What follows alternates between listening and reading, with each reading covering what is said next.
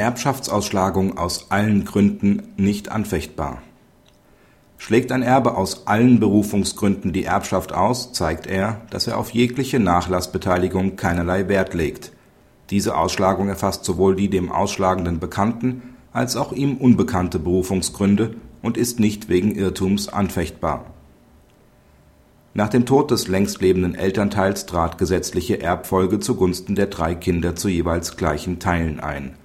Ein Sohn schlug die Erbschaft aus jedem Berufungsgrund aus. Die Ausschlagung wollte er anschließend wegen Irrtums anfechten. Er war fälschlich davon ausgegangen, dass ein privatschriftliches Testament der Eltern, in welchem seine Geschwister als Erben eingesetzt wurden, gültig sei, so dass er die Ausschlagungserklärung in Unkenntnis der richtigen Rechtslage abgegeben hatte. Das Nachlassgericht sah dies ebenso und kündigte einen entsprechenden Erbschein an. Auf die Beschwerde eines Abkömmlings des Ausschlagenden ändert das OLG Hamm den amtsgerichtlichen Feststellungsbeschluss ab und begründet dies damit, dass der Ausschlagende mit seiner Ausschlagungserklärung aus allen Berufungsgründen gezeigt hat, dass er keinerlei Teilhabe am Nachlass begehrt.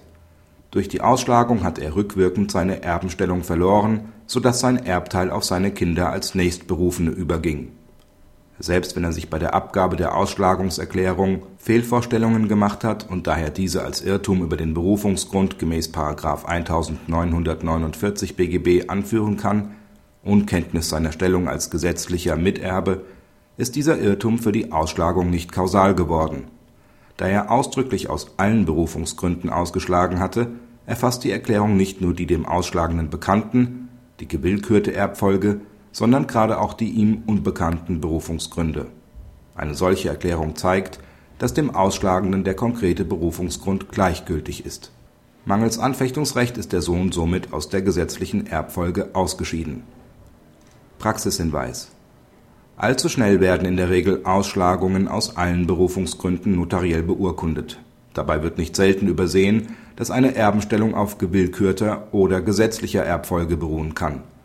Die Ausschlagung sollte auf den jeweiligen Berufungsgrund ausdrücklich beschränkt werden, anderenfalls der Verlust der gesamten Erbschaft, gleich aus welchem Rechtsgrund droht. Auch eine voreilige Ausschlagung wegen zum Beispiel nur vermuteter Nachlassüberschuldung sollte nicht vorgenommen werden, da der Erbe die Möglichkeit der Haftungsbeschränkung hat